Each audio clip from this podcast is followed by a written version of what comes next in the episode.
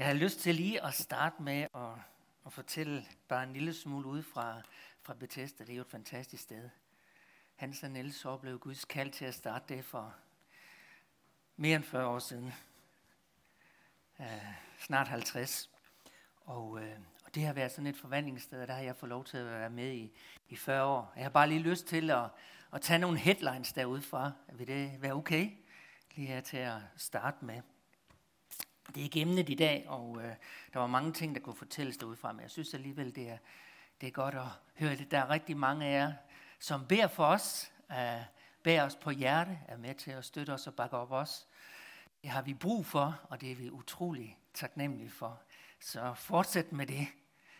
Øh, for cirka 14 dage siden, så holdt vi bryllup her. Jeg fik lov til at vi uh, Michelle og Kenneth, og nu, de sidder helt adskilt, men det regner ikke med, at der opstår så hurtig krise. men uh, uh, ej, det var bare sådan en vældig joke. Undskyld mig. Men uh, nej, det var rigtig dejligt at få lov til at være med til at, og vide dem, og at de har besluttet sig for, at nu vil vi inden for Gud kæmpe sammen og leve sammen. Det er da fantastisk, ikke? Her i, uh, i fredags, uh, en af vores beboere, som vi arbejder med i en årrække, blev samlet op over i København for en tre, cirka en tre år siden, uh, er startet, uh, flyttet til øh, uh, Grænsted og er startet ned på HF. Luca har kommet her igennem en periode, og I, I kender ham, nogle af jer kender ham, og øh, han er nu blevet integreret nede i øh, Vestmarkskirken. De har taget rigtig godt imod ham. Så det er vi jo rigtig taknemmelige for, at øh, han holder fast ved og det gode liv. Selvom indimellem så laver vi dårlige beslutninger, men der er noget fra Gud, som vi sang. Jeg også ikke tænkt, at der er noget fra, fra ham. Begyndelsen af næste måned, uh, så skal vi, eller vi er sådan en flok, der har valgt at, at tage til boksestævne og det er ikke fordi, at jeg er særlig vild med det. Jeg, som dreng så var jeg lidt fascineret af selve kampene, fordi jeg havde sådan en stund sammen med min far der om natten. Jeg synes, det var spændende, at han smurte, smurt franskbrødsmadder til os, og vi sad op der om natten og, og så i øh, nogle af ja, min generation, og alle kan måske huske, der var nogen, en, der hed Muhammad Ali, Joe Fraser og George Foreman og sådan der. Og det kan jeg huske, det var sådan en speciel for mig. Så men boxing, selve det at, at smadre hinanden, det, det, det synes jeg ikke, jeg går ind for. Øh, jeg synes, det ligger langt væk fra Guds tanker og, og hjerte og så videre. Men Ditlev, som øh, vi har arbejdet med og som er kommet her, han er, han er jo bokser faktisk og professionel bokser øh, og har comeback, som det hedder. Øh, så vi har valgt at sige, at det vil vi ned til. Og så efter han har brug for lidt restituering, så kommer han tilbage til os. Det har han nok brug for. Men det er da fantastisk at se, at mennesker oplever at bryde det, som de sad i. Det er da fantastisk. Og det, det glæder vi os sådan over, at vi får lov til at være med til. Øh, og Bethesda har jo været sådan et forvandlingssted øh, i snart 50 år, hvor mennesker har oplevet, at Guds kraft, det som jeg skal dele med jer også i dag, at det blev en virkelighed, at det blev en virkeliggørelse ind i, i, i, i deres liv. Øhm, så tusind tak for jer, som, som trofast støtter os og bakker os op. Uh, vi har rigtig mange ting, uh, der sker. Uh, vi har en fantastisk skøn flok i øjeblikket uh, ude hos os, og uh, de står bare på med hver deres uh, udfordringer, hver deres processer, og det er rigtig godt. Uh, så skal vi få lov til at se, at uh, Guds kraft også virkelig gør os ind i, ind i den enkeltes liv. Det er det, vi gerne vil, ikke? Så vær med til at bede for det. Uh, så nogle af vores tætte medarbejdere, medarbejdere gennem mange år, øh, Simon og Esther, de har besluttet sig for, at nu vil de gerne have en, øh, en baby mere. Så det vokser, så vi venter os faktisk det 8. barnebarn. Det glæder vi os også til. Men det giver nogle udfordringer i relation til selve øh, stedet, så det må jeg også gerne være med til at bede for, at vi må få visdom til, hvordan vi læser, at når Esther hun går på barsel, hvordan læser vi så løser situationen. Så der er mange ting hele tiden at være med til at bede for. Det er jo fantastisk, ikke? Ja, det er godt, at vi kan være med til at, at bære vores liv frem for Gud, og bede ham, vi har sådan brug for det. Um, ja, der var mange ting, som jeg mere, men det skal jeg passe på med ikke at hense til, fordi at, uh, jeg skal prøve at tage omkring emnet. Jeg har fået lagt på hjerte at tale lidt omkring forsoning. Og uh, det er altid for mig med stor ydmyghed og også respekt og det at dele Guds ord. Jeg synes faktisk, det er svært. Der er nogen, der tænker, jamen, jamen så det har du gjort så mange gange, så det er meget nemt. Øh, øh, det kan godt ske, at det opleves sådan, og det er jeg da glad for, men øh, at I oplever sådan. Men inderst inde, så er jeg faktisk nervøs. Og øh, øh, øh for dem, som kender sådan til det, ligesom at når jeg skulle i retten og stå og så videre, så er der nogen, der kalder det racermave, og der er forskellige fysiske symptomer, der ligesom sker, at man sveder og så videre, så videre. Uh, og det er fordi, at det er vigtigt for mig, og det er betydningsfuldt for mig. For mig så uh, er emnet her rigtig uh, vigtigt, uh, og jeg synes, det er et svært emne. Men for nogle søndag siden, så talte Torben om at sætte fokus på forsoning i en måneds tid. Og Sam han sagde i sidste søndag, jeg ved ikke om jeg lader mærke til det, han talte blandt andet om beslutningen om det at leve ærligt, og vores manglende evne til altid at gøre det, ikke altid at gøre det rigtigt. Det betyder, at vi har brug for at sige undskyld. Vi har sådan brug for Guds nåde ind i vores liv. Og derfor så vil jeg gerne sætte fokus på det her emne, for jeg mener, det er højaktuelt. Ikke mindst i den situation, som vi som fællesskab, som kirke har været igennem her den, øh, den seneste tid, øh, men også som det, der fortløbende sker inde i vores liv. Og jeg ved godt, at, øh, at det er et, øh, et svært emne.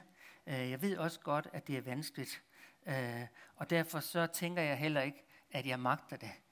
Men hvis vi nu kunne bede Gud om, at han vil hjælpe os hver især og tale ind i vores liv, så kunne Guds ord som levende gøre, og som er levende, det kunne være med til at hjælpe os. Skal vi ikke bede sammen? Jesus, vi vil sådan sige dig tak, fordi du er i vores midte. Du er her ikke bare alene ved dit ord, men du er her også ved din ånd. Og her vi anerkender din tilstedeværelse. Vi anerkender det, at du er midt i blandt os. Og vi ønsker sådan, Jesus, at, at dit ord det må få lov til at blive virkelig gjort ind i vores liv. Ind i det sted, som vi hver især står. Her du kender til os. Vi er til fulde, helt og aldeles kendt af dig. Du ved det, som jeg har det svært med. Du ved der, hvor jeg kommer til kort. Du kender hver enkelt af vores situationer. Og bed dig om, Jesus, at, at du vil tage dit ord, tale ind i vores liv og levende gøre det.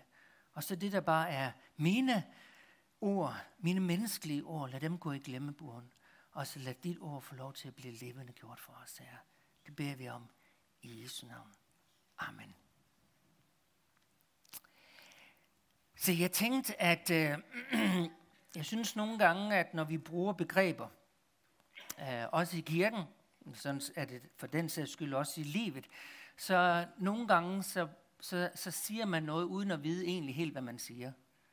Øh, Nej, sådan vil vi nok ikke indrømme det. Men vi synes, når vi hører andre, de bruger det, så bruger de ord, som de ikke rigtig helt forstår betydning af. sådan kan vi vel komme det til. Nej, jeg synes faktisk, at nogle gange så siger vi nogle ting, som vi måske tænker, hvad er betydningen egentlig af det? Og derfor så tænker jeg, når et ord som forsoning, som er et så centralt begreb i Bibelen, et meget, meget centralt begreb, at så er det utroligt vigtigt for os, at vi også forstår, hvad betyder forsoning egentlig? Hvorfor er forsoning egentlig vigtigt? Hvad er grundlaget for forsoning i det hele taget? Og hvilken udstrækning har det betydning for mig ind i mit liv? Og jeg ved godt, at rammen, den er cirka den her omkring en halv times tid eller sådan noget. Hvis jeg er lidt morsom, så kan jeg måske holde jer fem minutter mere. Øh, og det er ikke sikkert, det er det. Mine børn de siger, at jeg er temmelig kedelig.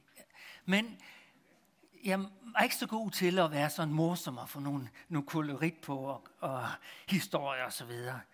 Men hele emnet, hvis man skulle gå ind i det, så er det så omfattende, så jeg ved godt, at det kan vi slet ikke få ind i at få alle aspekter med i dag. Og det må I så hver især arbejde videre med. Men min bøn og mit hjerte, det er, at ordet vil blive levendegjort for os.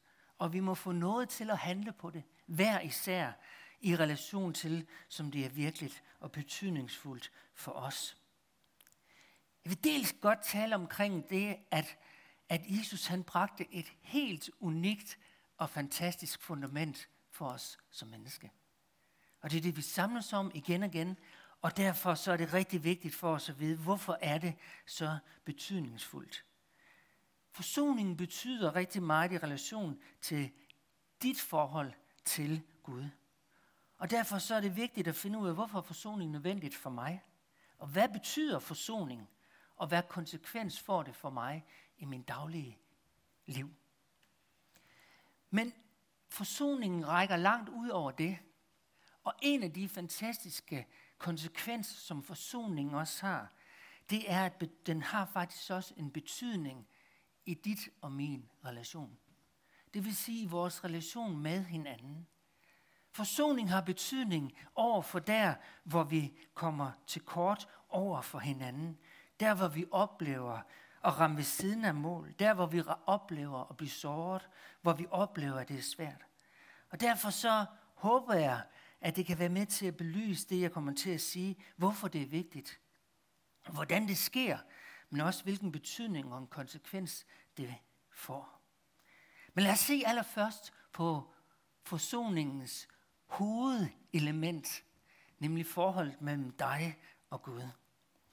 Og øh, det kan blive en lang, lang undervisning, og det skal, jeg, det skal jeg godt, det skal jeg nok skåne for, men det er faktisk enormt berigende.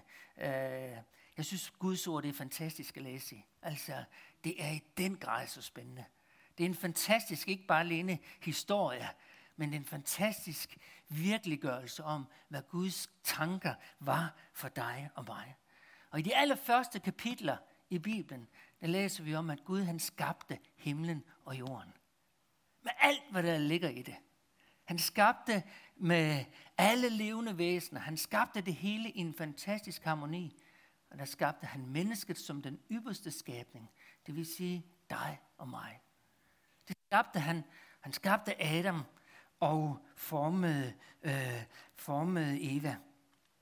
Øh, og så læser vi i det tredje kapitel, at, øh, at der sker der det, der hedder syndefaldet.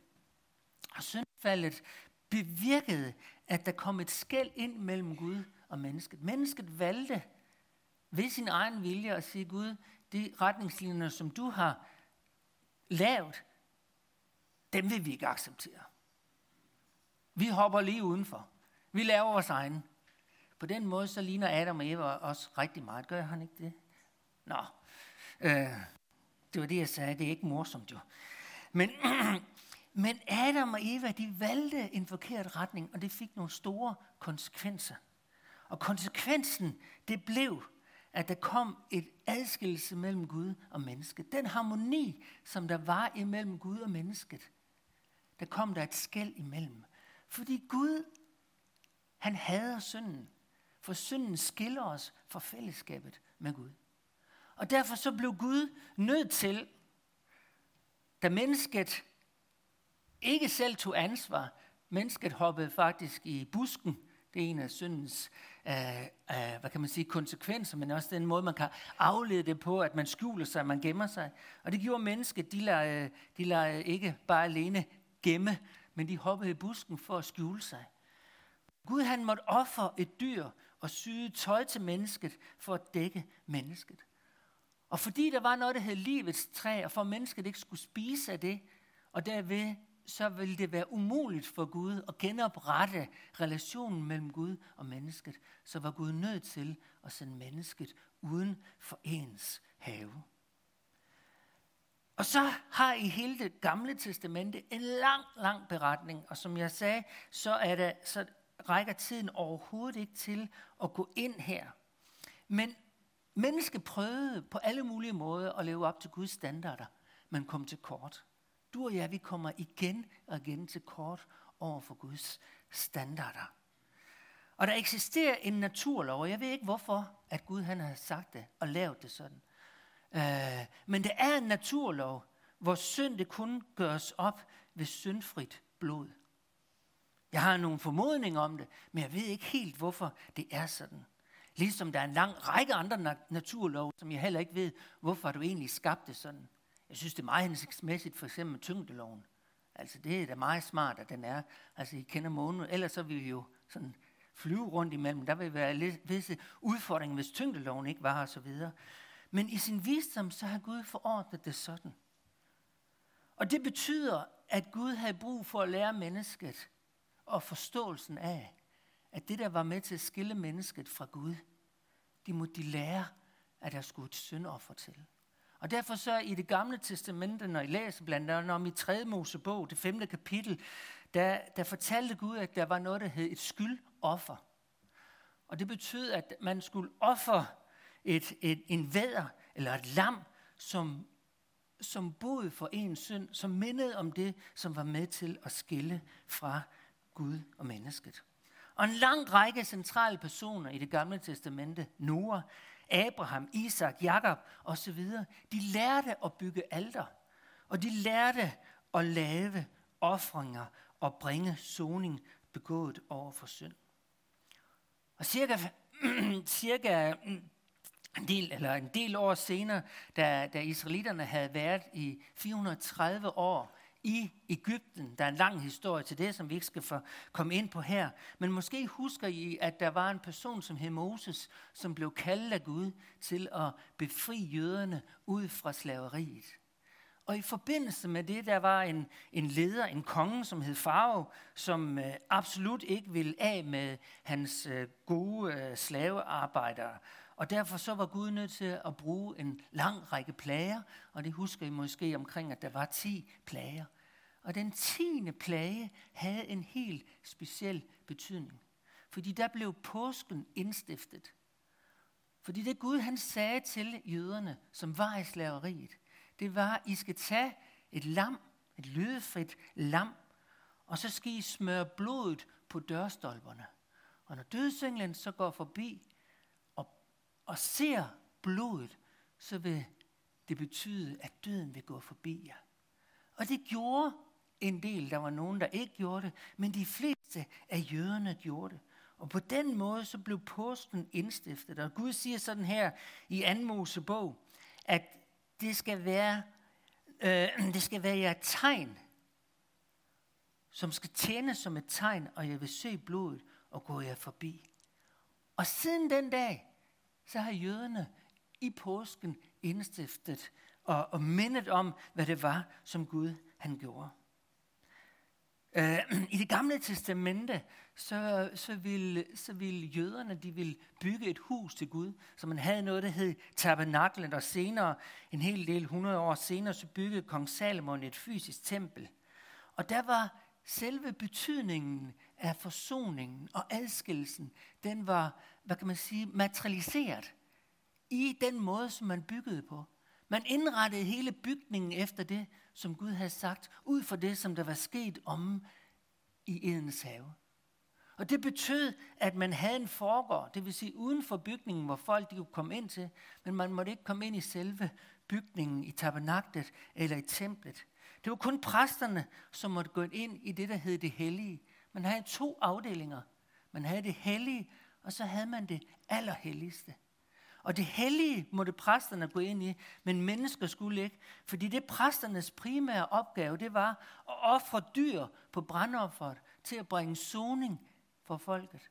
Og så en gang om året, en gang om året, så ypperste præsten, den højeste af alle præsterne, måtte gå ind i det allerhelligste. Og ind i det allerhelligste, den måde, som det var indrettet på, der var der faktisk kun pagtens ark, hvor loven den lå. Og ypperste præsten måtte gå ind en eneste gang om året på det, der hedder forsoningsdagen. Uh, og for nogle af jer, så ved I måske også, at, at, at, at det er den dag, som jøderne kalder for Yom Kippur. Og på den dag, forsoningsdagen, der gik ypperste præsten ind, og så offrede han for folkets, på folkets vegne stænkede blodet fra et offerdyr, en gedebuk, på zonedækket over pagtens ark, som symboliserede Guds møde med sit folk.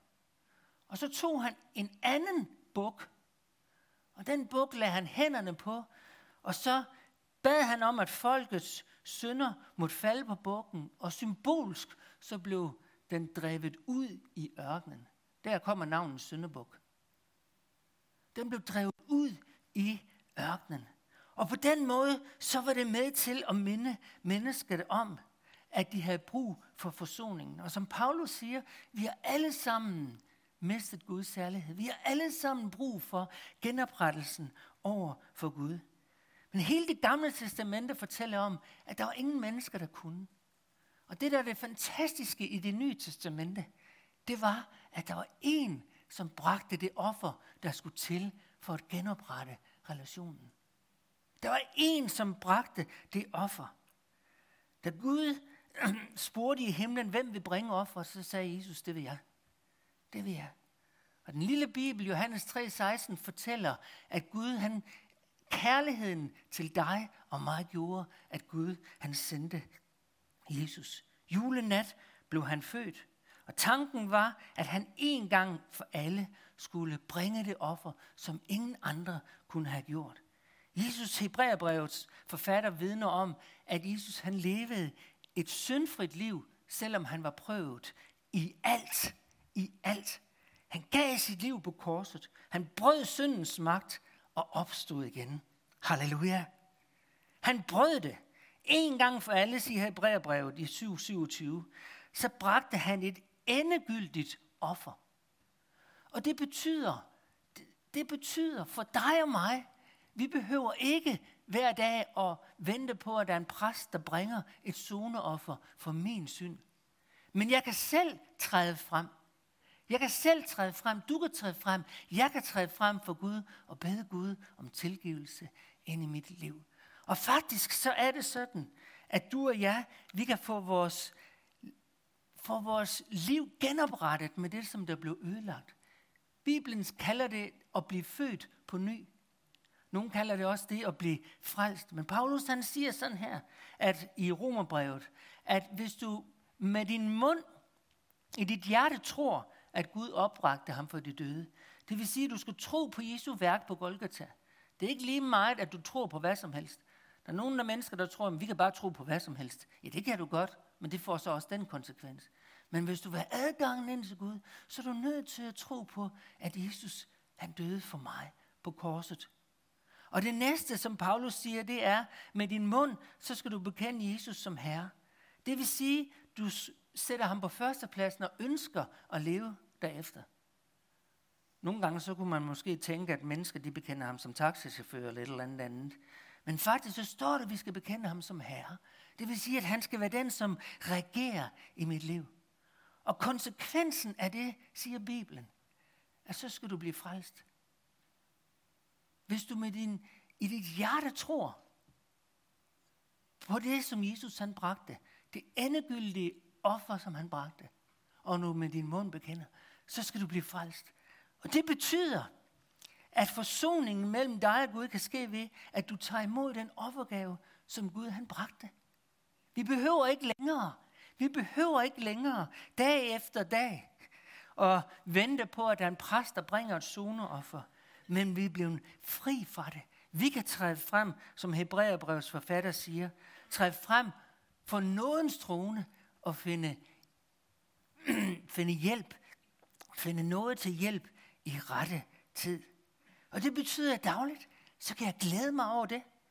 Hvis ikke du har taget imod Jesus, hvis ikke han er blevet en herre i dit liv, så kan du gøre det i dag. Så kan du tage den beslutning i dag, at det skal du, det vil du. Og hvis du allerede har gjort det, så kan du dag efter dag glæde dig over det.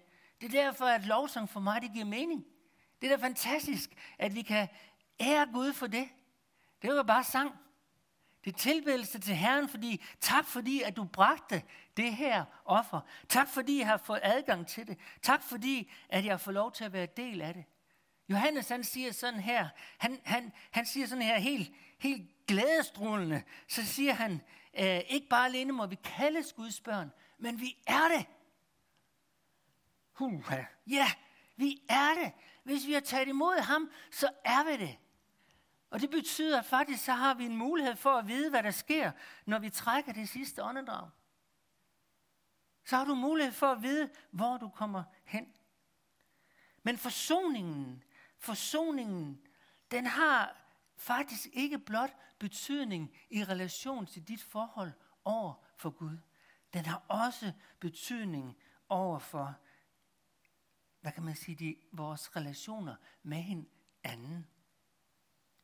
Jesus han siger sådan her, han gav os en ny befaling, at vi skal elske hinanden, ligesom han har elsket os. På landstævnet så var det mit hovedtema, at Jesus han siger ligesom. Og det var det, der var det nye. Det nye, det var, at han sagde ligesom. For i det gamle testamente står der også, at vi skal elske. Men Jesus han sagde, at vi skal gøre det ligesom. Og hvad betyder ligesom? Ja, det betyder ligesom, altså på samme måde, som han gjorde. Det vil sige, det liv, han levede, den måde, som han reagerede på, den måde, som han opførte sig på, den måde, som han relaterede, den måde, som han igen og igen bar over med mennesker omkring sig, og så videre. På samme måde skal du og jeg gøre over for hinanden. På samme måde kommer forsoningsværket til at have en, en betydning.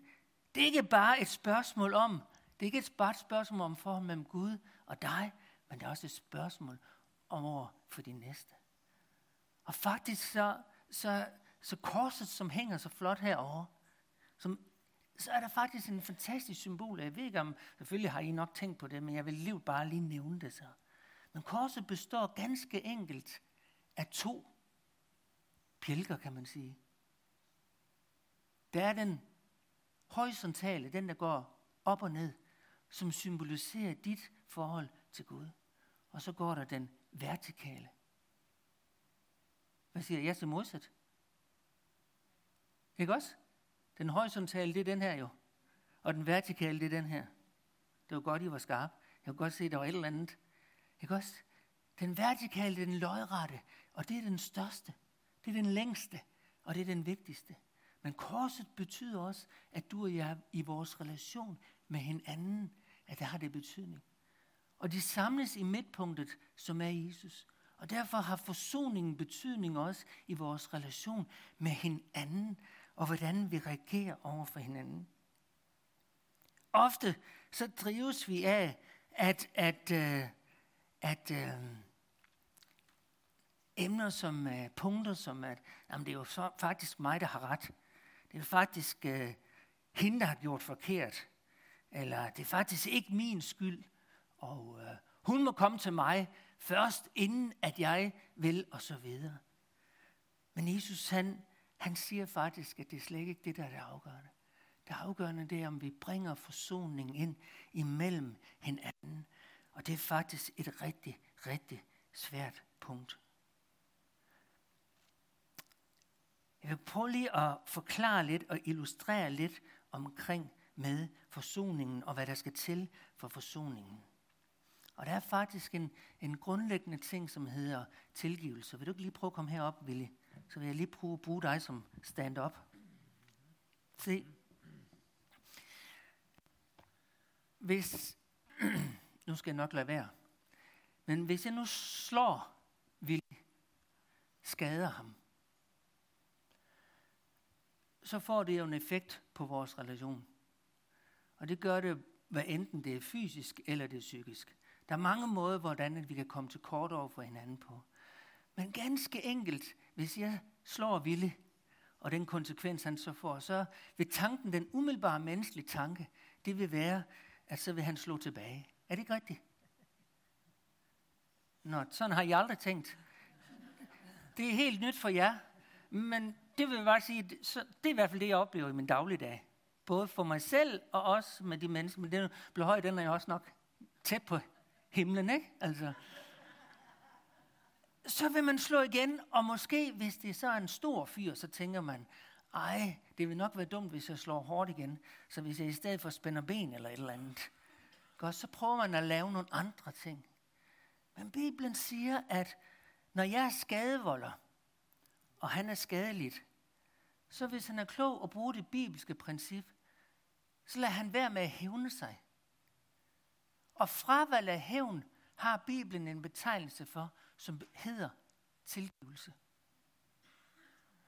Så når jeg som idiot slår Ville, så for ikke, at han skal fortsætte med at være idiot, så vælger han en bedre vej, som hedder tilgivelse. Tilgivelse. Det vil sige, at han kan, han kan som sit redskab bruge og sige, ved du hvad, jeg vil godt nok ikke slå det igen, Søren. Se, sådan der. Men se, det sker ikke kun bare alene ved tilgivelse. Se, tilgivelse, det er jo den skade littes valg at sige, jeg vil ikke hævne mig igen. Og der er det forsoningen, den kommer ind. Tak skal du have, det er vist okay, selvom du kunne stå og se pæn ud heroppe. At tilgivelsen genopretter ikke vores relationer. Tilgivelsen genopretter ikke det, at vi får tillid over for hinanden, eller vi kan relatere med hinanden. Tilgivelse er en væsentlig forudsætning for, at det det hele taget skal ske. Men det er nødvendigt, at man kommer ind i en gensidig proces. Fordi hvis Vilje han vælger at sige, at jeg, jeg tilgiver Søren, jeg slår igen, jeg går en anden vej, så betyder det ikke, at hans og min relation bliver genoprettet. Nu valgte han så meget hurtigt, det var nok fordi jeg ikke så så hårdt og så videre, fordi han er villig og så videre, så han valgte hurtigt at give mig en kram og sige, okay, vi er på banen igen. Men selv hvis han gør det, så hvis jeg siger, nej, Ville, jeg mener faktisk, du er en idiot. Så kan det godt ske, at krigen den bliver stoppet. Men vores relation bliver ikke relateret gensidigt. Og derfor så er forsoning, hvis det skal komme til at komme ind og være brugbart og føre, så er man nødt til at komme ind i en proces. Man er nødt til at komme ind i en, en, en vandring sammen, hvor man får talt omkring tingene. Hvor man får sat ord på, jamen faktisk så blev jeg ked af, eller jeg blev såret, eller whatever det er. Uh, faktisk så gjorde det mig ondt. Og der kan være mange forskellige komplikationer i det. Og jeg synes, i, i, både i mit eget liv, i mit eget personlige liv, men også i det liv, som, som jeg har fået lov til at leve med mennesker ude på Bethesda, så kan jeg se, at nogle gange, så tager det faktisk tid. Det er faktisk ikke sådan lige at knipse med fingrene. Det kan godt ske, at, at man smiler, men indvendigt, så kan såret være der. Indvendigt, så kan udfordringerne være der. Og der er en vigtig fejltagelse, som I skal være opmærksom på. Der er en vigtig ting, som man siger, som er forkert. Og det er, at tiden læger alle sår. Det er ikke sandt. Tiden læger overhovedet ingenting. Tiden læger ingenting. Tid er tid. Hvis der skal lægedom til, så skal der nogle andre processer til. Men tiden er vigtig og nødvendig. Men tiden i sig selv kan ikke genoprette et sår. Det er nødvendigt, at man skal ind i en gensidig proces. Og der er tilgivelsen afgørende som ståsted og udgangspunkt. Men man er nødt til at komme ind og vandre. Nogle gange, så er, kan noget af hindringen være, jamen, øh, hvem skal tage initiativet? Og nogle gange, så venter vi alt for længe til, at det skal komme fra den anden. Øh, det må han da nok kunne forstå. Det siger jo sig selv, og så videre. Men i virkeligheden, så er det bare med til at sætte en hindring for os. Tillid, det vindes. Tillid, det tager tid, før det kommer ind. Hvis der er kommet et brud, og der er sket nogle sår, så kan man få tilgivelse. Og vi kan give tilgivelse til hinanden, men vi har brug for at vandre sammen. Der er en lang række eksempler i Bibelen, hvor Jesus han omtaler det her. I bjergprædikenen, som er den grundlæggende undervisning, som Jesus giver sine disciple, så siger han faktisk, at, at hvis du er på vej hen og bringe noget til Guds hus, og du så bliver mindet om, det du sagde, det du sagde til Åse, søn, det var ikke særlig godt. Så skal jeg lade min gave blive liggende, og så skal jeg gå ned og forsone mig med Åse. Og sige, at jeg er ked af, at jeg fik sagt sådan til dig. Eller jeg fik gjort. Uh, det var ikke pænt af mig, at jeg spændte ben for dig, det kan jeg godt se. Eller hvad det måtte være. Gud siger faktisk, at, at vi er ligesom i en trekant at vores relation med Gud faktisk hænger sammen med vores relation med hinanden. Nogle gange så tænker vi det, jamen øh, det er da bare Gud og mig. Og jeg ved godt, at det ikke er så enkelt. Og ting, de kan heller ikke bare lige gøres på én gang. Og det tager tid. Men det er vigtigt, at vi går ind i processerne, og vi lader Guds hjerte få lov til at komme ind og belyse det for os. Paulus han skriver et fantastisk brev, som tiden overhovedet ikke rammer til. Men det er et kort lille brev, som har så meget dynamik, og som der er så meget i. Så hvis ikke I har læst det før, så skulle I tage at gå hjem og læse Paulus' brev til Filemon. Jeg skal bare lige kort fortælle om, hvad det handler om. Meget kort. At Paulus, der er tre hovedpersoner i det lille brev. Og den ene, det er ham, som Paulus han skriver brev til. Han hed Filemon. Filemon var en, som Paulus havde været med til, som er kommet til tro gennem den tjeneste, som Paulus han havde. Og det vil sige, at de havde en rigtig god relation sammen. Og så sker der det, at en af Filemons slaver, han havde en slave, han hed Onesimus. Og Onesimus laver noget, som ikke var så godt. Og faktisk så løber han, som følger det, væk fra Filemon. Og i datidens regelsæt, så bevirker det faktisk, at Filemon, han havde mulighed for at sige til Onesimus, cut over and out. Faktisk så stod han til en meget alvorlig straf. Onesimus, han møder så Paulus. Paulus, han sad i fængsel på det her tidspunkt. Og han havde nærmest en, et, et, et, hvad kan man sige, et rehabiliteringscenter. Der var i hvert fald mange mennesker, som kom og havde mulighed for at komme der med Paulus. Og Onesimus, han var en af dem. Og Onesimus, han kommer så til at give sit liv til Jesus. Og Paulus han skriver så brevet til Filemon og siger, Filemon, for din relation med Onesimus genoprettet. Og faktisk går Paulus så vidt, så han siger, så han siger, skriv det på min regning. Hvis der måtte være noget, så skriv det på min regning. Og det betyder, at Bibelen faktisk fortæller os også om, at du og jeg, vi har en, en, et ansvar over for hinanden til at være med til, og at der sker forligelse imellem hinanden. I Efeserbrevet der underviser Paulus om, at Gud han har nedbrudt det skæld, som der kan være imellem os. Husk, at Gud han har kun én brud.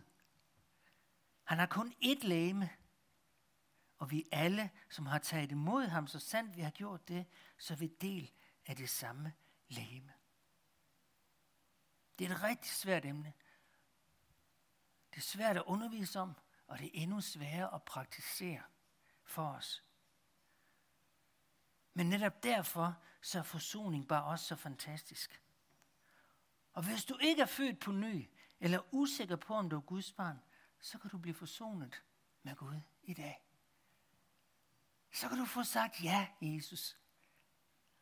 Og du kan få lov til at vide, hvor din vandring fremadrettet bliver med Jesus.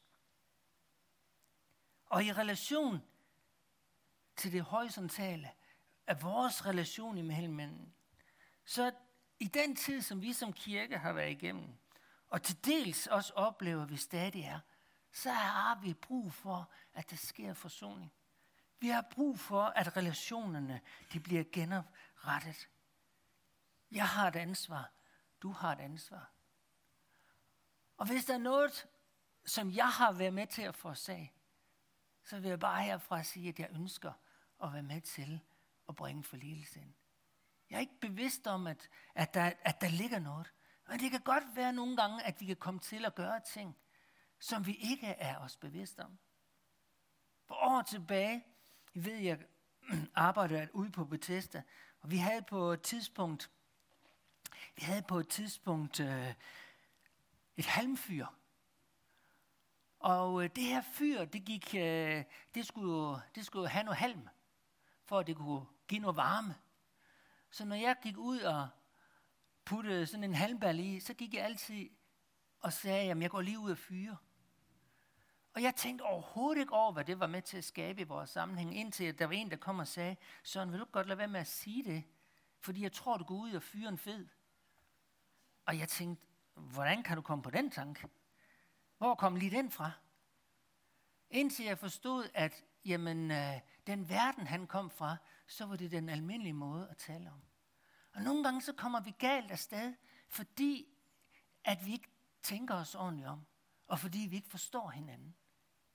Og derfor, hvis tingene skal genoprettes, og tingene skal blive anderledes, så har vi brug for at gå ind i en forligelsesproces.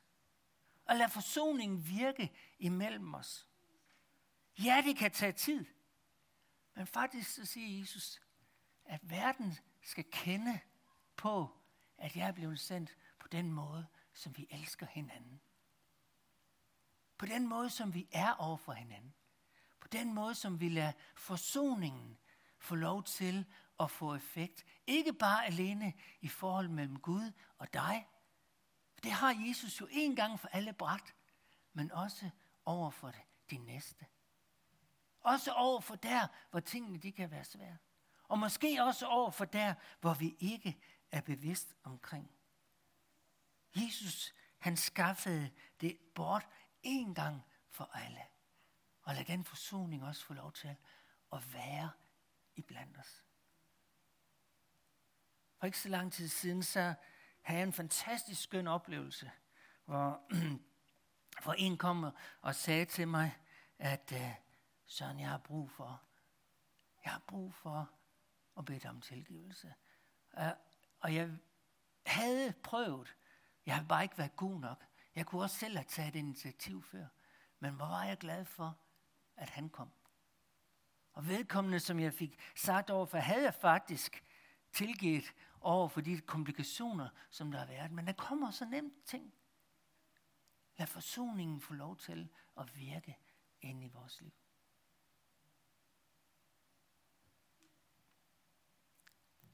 Lad os bede sammen. Og mens vi beder,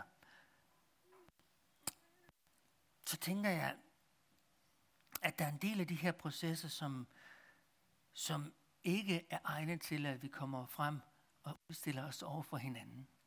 Men måske oplever du, at Gud han taler til dig om at, at gå til en og sige, jeg har brug for at blive forsonet. Eller jeg blev ked af det, du sagde til mig. Jeg, har ikke, jeg forstår ikke, hvorfor den er sådan og så videre. Men er det sådan, at du er der, hvor, hvor du gerne vil give dit liv til Jesus, så er du velkommen til at komme frem, eller komme og snakke med en os bagefter. Men lad os bede sammen. Jesus, jeg vil sådan sige dig tak for, at, at det værk, du bragte på Golgata, det var ikke bare snak. Det var ikke bare ord, men det var handling. Og det var liv og kraft. Og det var så kraftfuldt. Så selv det forhæng, som der var mellem det hellige og det allerhelligste, det dække, som skjulte, det blev revet over fra øverst til nederst, da du gav dit liv, Jesus. Tusind tak for det. Tak for det offer, som du bragte her. Tak for den mulighed for, at vi kan få lov til at komme ind og leve i det opgjorte forhold med dig. At vi har mulighed for at blive født på ny og leve et liv i fællesskab sammen med dig. Men tak også for, at forsoningen den rækker langt videre end det. At dit værk på Golgata også kan blive virksomt imellem os og imellem hinanden. Og selvom jeg kan synes, at det er svært, selvom jeg synes, at, at der kan være ting, som er svære, så beder jeg dig om, Jesus, at du vil hjælpe os hver især. Lad, lad din lægedom få lov til at komme ind, også i de relationer, som vi har i os som kirke, som fællesskab, med de ting, som der er sket, med de ting, der er gået. Må der være et åbent hjerte for os alle her. Må din kærlighed få lov til at flyde imellem os her. Vi overgiver os til dig i Jesu navn. Amen.